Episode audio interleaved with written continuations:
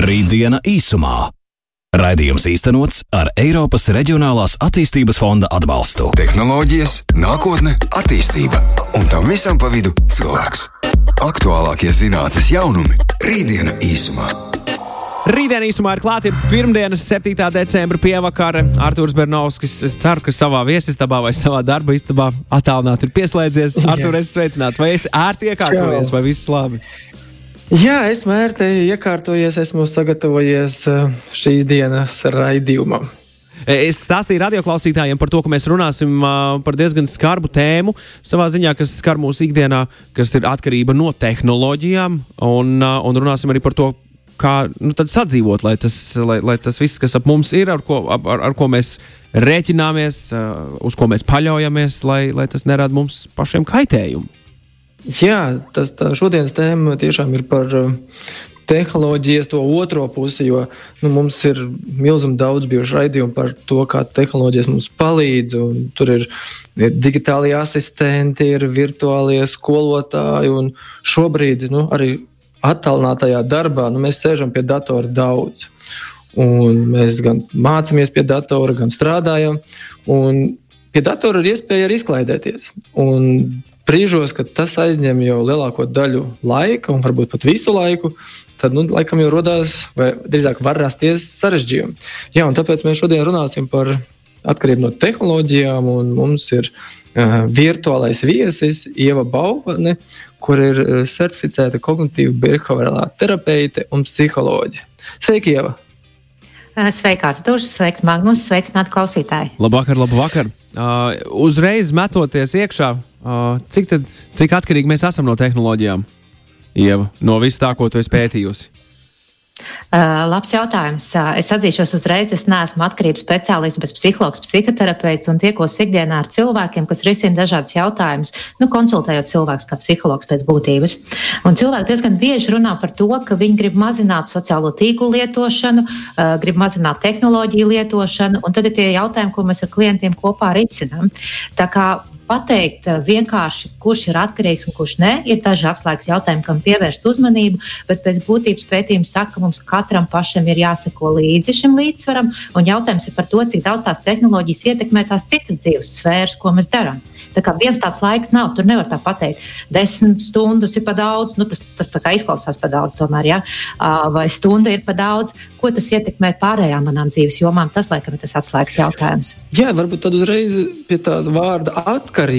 Nu, kas, kas ir tā atkarība, kurā brīdī mēs katrs saju, varam sajust, ka ir šī atkarība, un kurā brīdī mēs runājam par atkarību kā par kaut ko negatīvu? Jo, nu, Atkarība jau neizklausās nekas negatīvs, bet parasti mēs runājam, ka atkarība nu, tādā negatīvā kontekstā ir uh, kaitējoša. Kurā brīdī mēs varam sākt saprast, ka jā, šobrīd man varētu būt šī atkarība? Mm -hmm, kad vairāk iet uz to neveselīgo lietošanu, vai ne? Mm -hmm. Jā, uh, Es arī tā padomāju par šo jautājumu, un arī palasīju vairākas lietas, skatoties šai sarunai. Nu, pēc būtības man ir labi sevi sākumā jāpazīst un jāzina sava ikdiena.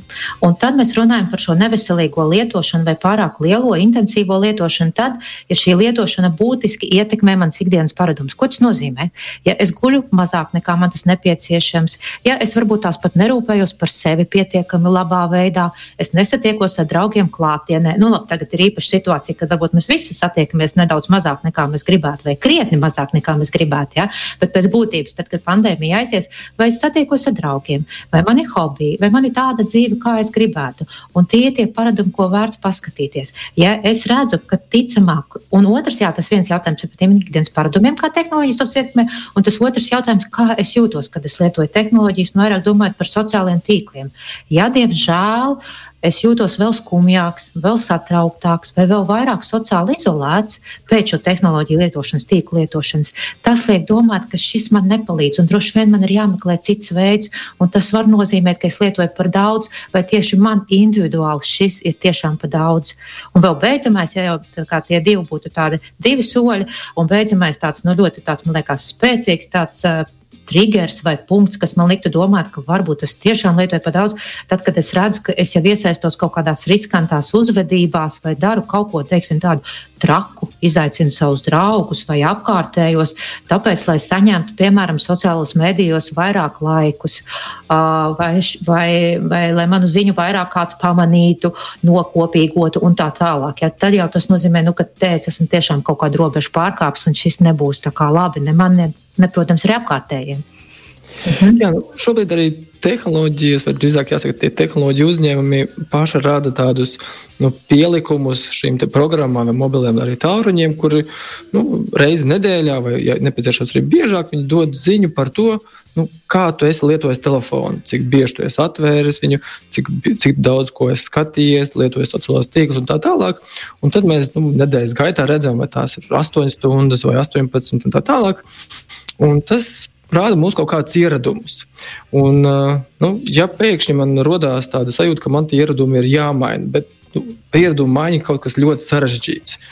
Kā to ar ko sākt? Ar ko varbūt sākt, ja man nu, ir aizdomas par to, ka nu, es ar tehnoloģijām esmu varbūt pat daudz aizrāvies un, un nākotnē kaut kas jāmaina?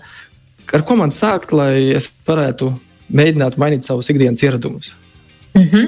Jā, kā kognitīva behaviorālais terapeits, nu, daļa no mana darba ir ar cilvēkiem runāt, kas tad ir tie ieradumi, ko cilvēki gribētu attīstīt, un kas ir tie ieradumi, ko cilvēki grib mazināt. Un tiešām tā tehnoloģija lietošana ir arī ļoti saistīta ar tādu nu, ieradumu veidošanos. Ja?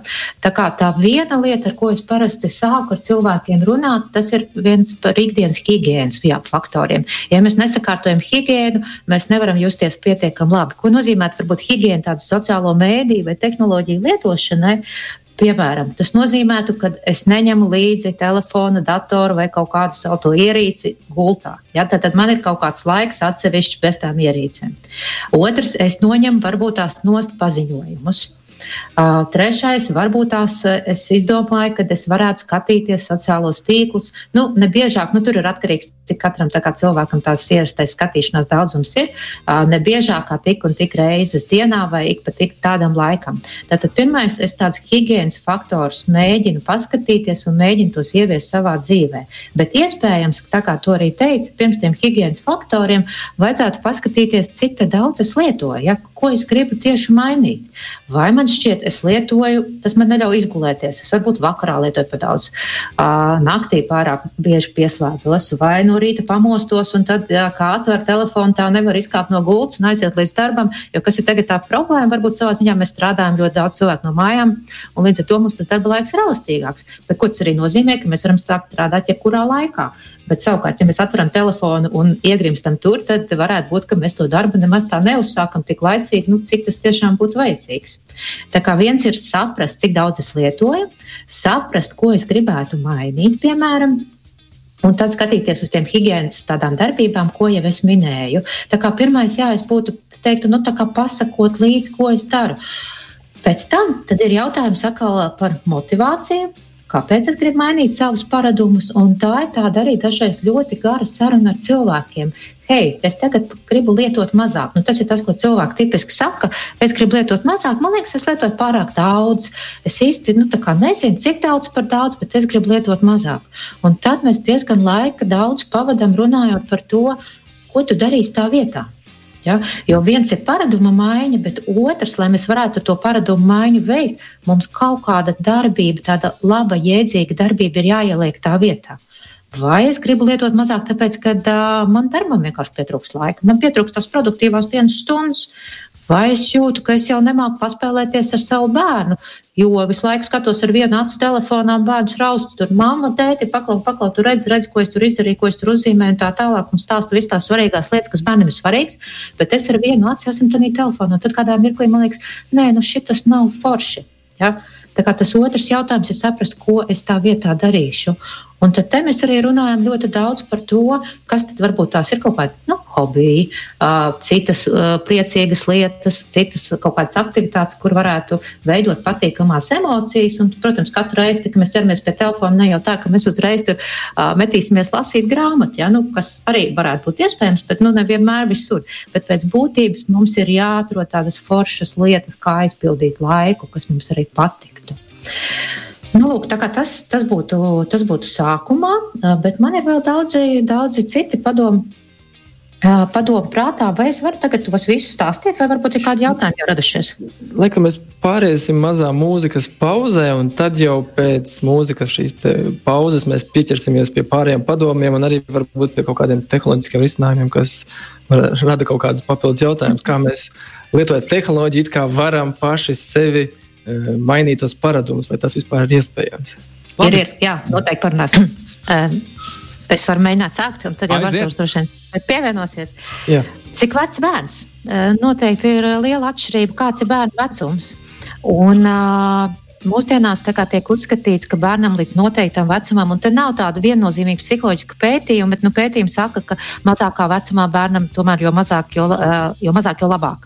Respektīvi, jo mazāk viņš lieto šīs tehnoloģijas, jo labāk. Tad, kad nāk jau varbūt tās 4, 5 gadi, un tad, kad bērns jau ir iemācījies sociāli kontaktēties, kad viņš ir iemācījies spēlēties, kad viņš ir apgūstis tās pamata prasmes, kas viņam nepieciešams, arī īpaši uzsverot tās sociālās saskaršanas prasmes un problēmu risināšanu, tad var ienākt arī dzīvē kaut kad viņa telefons, planšeta vai kaut kāda cita ierīce, jo tiešām ar to jau arī viņš mācās. Nu, paskatīsimies, ja tagad bērni nemācītos datoros un planšetēs, mums nebūtu attālinātās mācības iespējams pēc būtības. Tā kā tā prasme viņam ir jāiemācās. Bet tātad, tas ir viens jautājums, tātad, cik daudz tur nebūs tāda precīza, precīza vecums, nu, ka tieši līdz tam nemaz, nu, varbūt drīzāk tā kā 2, 3 gadi, nē, nu, tad 4, 5 var sākt domāt. Bet jautājums, ka bērnam ir jāiemācās tā socializēšanās pirms tam, viņam jāiemācās spēlēties, viņam jāiemācās risināt citi jautājumi, viņam ir jābūt kustībā, viņa ķermenim ir jāattīstās. Un tad jau viņš var arī mācīties darboties tajā virtuālajā vidē. Bet tā vide ir svarīga. Un es domāju, tas jautājums, kas ir mums kā vecākiem, bērniem ļoti svarīgs arī paskatīties līdzi, tad, ka mēs viņam ļaujam šai virtuālajai vidē pieskarties, tad ko viņš tur dara. Un kādreiz gadās tā, ka mēs neļaujam, neļaujam, un tad viņš strauji atklāja tēta mammas telefonu un atklāja ļoti ātri tos pinkotus kaut kādā veidā, kā bērni mistiski to māku izdarīt, ko mēs pieaugušie parasti nesaprotam, bet viņi to izdara. Viņa atbloķē telefons, nu, un tad tur sāk kaut ko lietot.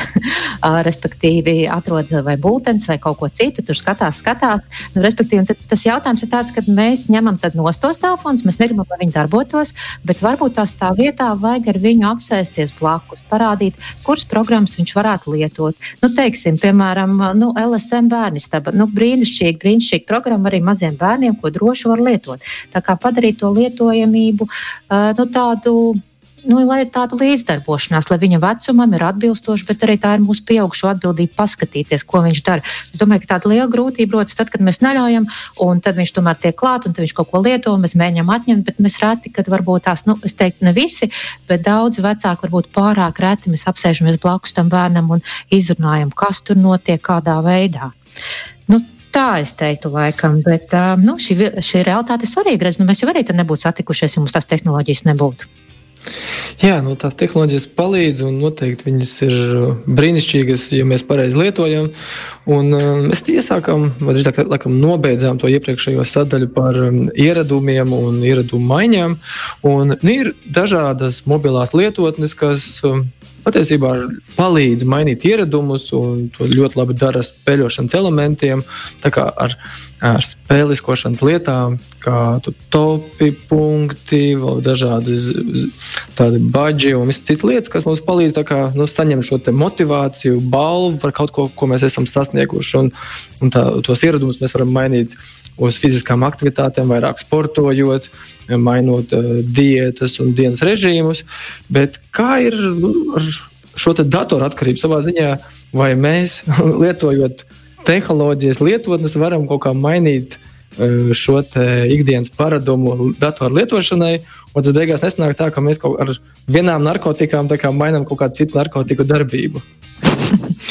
jā, šis ir interesants apzīmējums, bet nu, patiešām kaut kādā mirklī tā var likties, jā, ka mēs ar tām pašām zālēm, ar ko esam atvainojis saindējušies, ja nu esam saindējušies, gribam tagad izārstēties, vai ne? Uh, bet, nu, kā lai saka, nu, vēlns jau nav tik melns, kā varbūt viņi dažreiz mālē, un ko es to gribēju teikt, jā, es domāju, ka tehnoloģijas var ļoti, ļoti palīdzēt.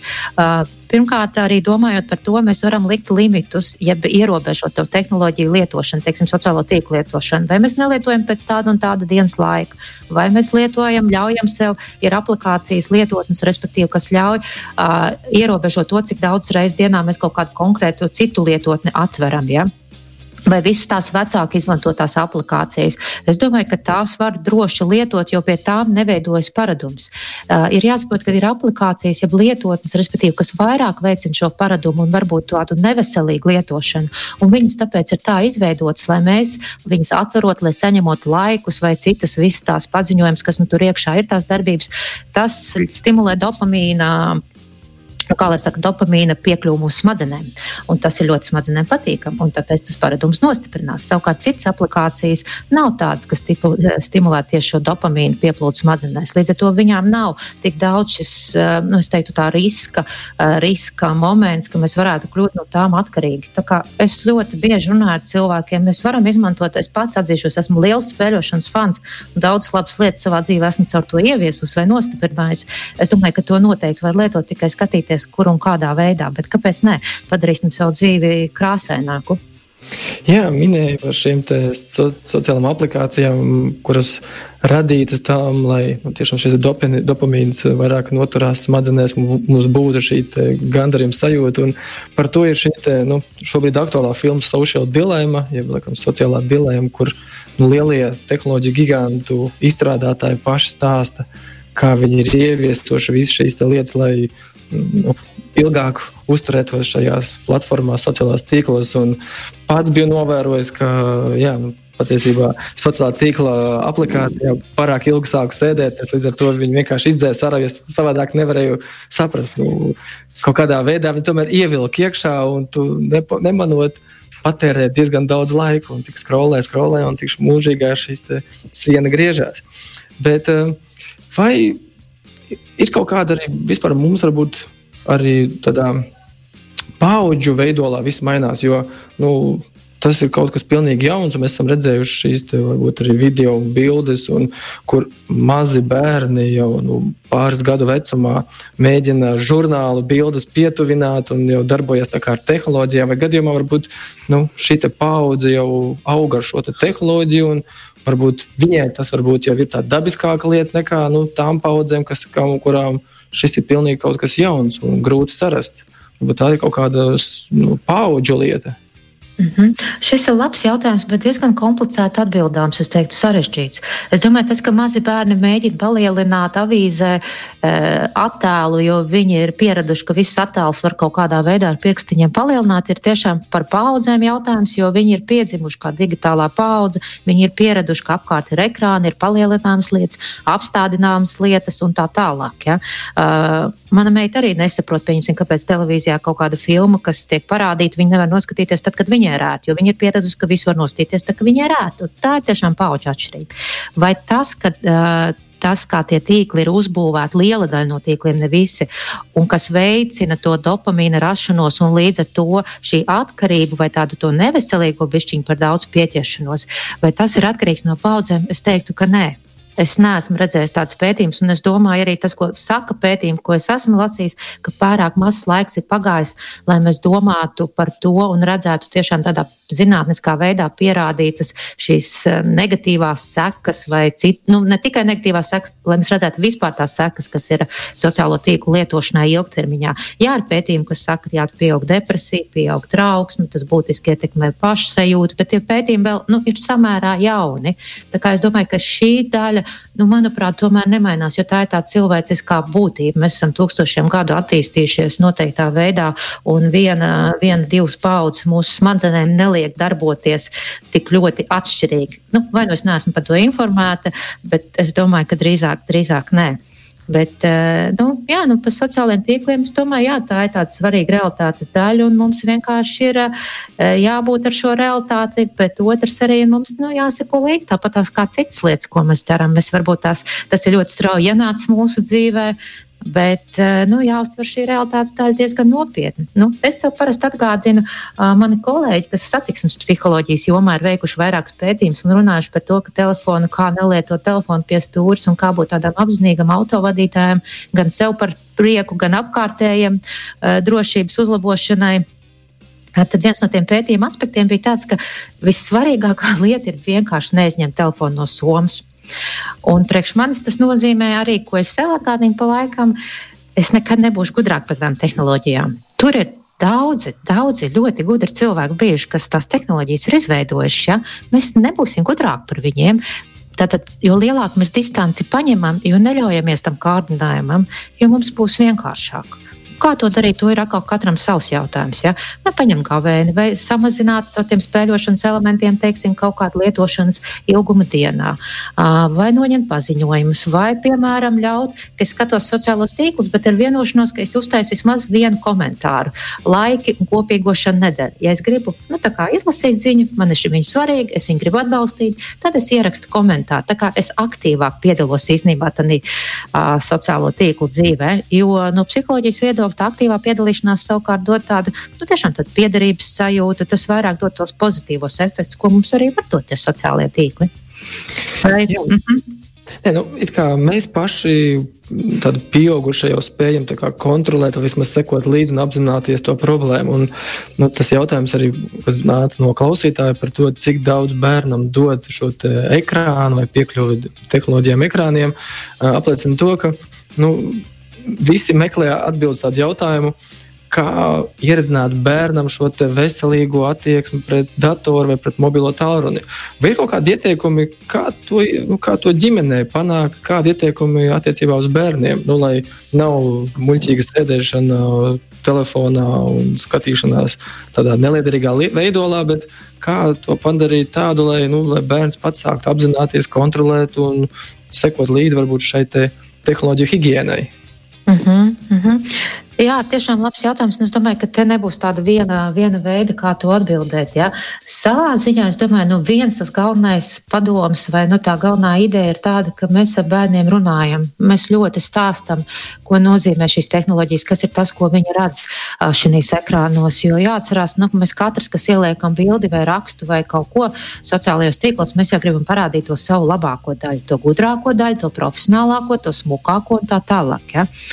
Un, uh, Un mēs zinām, ka to dara arī citi. Bet, respektīvi, bērns vai pusaudzis, kas ir ļoti jūtīgs attiecībā pret sevi, viņš pat zinot, ka apkārtējie liek tikai savas draugi, liek tikai savas foršākās bildes un nestāsta par savām grūtajām dienām, bet skatoties uz tām bildēm, tas ļoti ātri aizmirstās. Un es domāju, šī ir ļoti, ļoti svarīga saruna. Stāstīt, kas ir tas, ko viņi redz sociālajos tīklos, kas ir tas, kas tur notiek, un visu laiku atgādināt, tā nav realitāte. Un tas ir tas, ko mēs pieaugušie varam darīt. Nu, tur nekad nebūs pa daudz, respektīvi. Ja? Uh, tas ir tas, ko mēs varam darīt. Un es domāju, tas ir mūsu atbildība arī savā ziņā stāstīt tiem bērniem, kas tur notiek. No otras puses, vai mēs varēsim vienmēr paskatīties, ko viņš tur dara. Nu, Nu, Tiesa vai es teiktu, drīzāk tas nebūs iespējams. Tādam mazam bērnam, kas ir mājas režīmā, jā, mēs redzēsim, ko viņš tur skatās, tur mēs tiešām varam limitēt tos dažus kanālus. Nu, tāds ir mūsu vecāku atļauja, ko viņš var skatīties. Bet lielajam viņam jāiemācās arī pašam tādā virtuālajā vidē dzīvot. Un tāpēc tas ir jautājums, ka mēs runājam, mēs izveidojam tādas attiecības ar bērniem, lai mēs varētu kopā paskatīties to, ko viņi sociālajos tīklos dara, lai mēs būtu informēti un mēs redzētu, ko viņi tur dara. Man liekas, ka tas, tas ir ļoti, ļoti svarīgi svarīgi runāt par to, izstāstīt, kā tā realitāte veidojās, arī nedaudz brīdināt par, nu, ne nedaudz, bet, nu, respektīvi, pietiekami varbūt pat brīdināt par tiem riskiem, kas ir arī virtuālajā vidē, bet arī nu, uzticēties tiem bērniem, bet pavadīt arī laiku kopā. Un, nu, es teiktu, ļoti liels jautājums ir arī, kas ir tas, ko mēs gribam darīt ar bērniem. Ja, ja mēs atņemam tās tehnoloģijas vai gribam ierobežot, nu, būsim godīgi. Jā, nu, tas nozīmē vakarā, lai cik mēs esam piekusuši, mēs piedāvājam kādu spēli vai mēs kaut ko citu izdarām kopā. Jā, mums jānāk arī pretī, lai tam bērnam būtu tāds jēgpilns un foršs laiks ar mums, ar draugiem, nu, ka tas ir atkal iespējams vai kaut kādā citādā veidā. Nu, tā, bet es mazākiem, varbūt vairāk ierobežojumu lielajiem, es domāju, nu, tur ir jāskatās līdzi un drīzāk tas izskaidrojošais, tāds informatīvs darbs. Nu, re. Jā, nu, nu, re. tā ir. Mācām, mācām bērniem higiēnu, zobiem un par ķermenim. Tagad jāmācās arī būs par tehnoloģiju higiēnu. Beidzamais laiks, es teiktu. mm -hmm. Lūk, tā es gribētu Jā. teikt visiem lielu paldies par sarunu šajā vakarā. Rītdienā īsumā es ticu, ka daudzi saklausīs sev ko svarīgu un, un, un vērtīgu, ko paņemt savā ikdienā gadījumā, ja ir tā sajūta, ka lietojam par daudz. Paldies, visu labu! Paldies, čau, čau! Rītdiena īsumā. Raidījums īstenots ar Eiropas Reģionālās attīstības fonda atbalstu.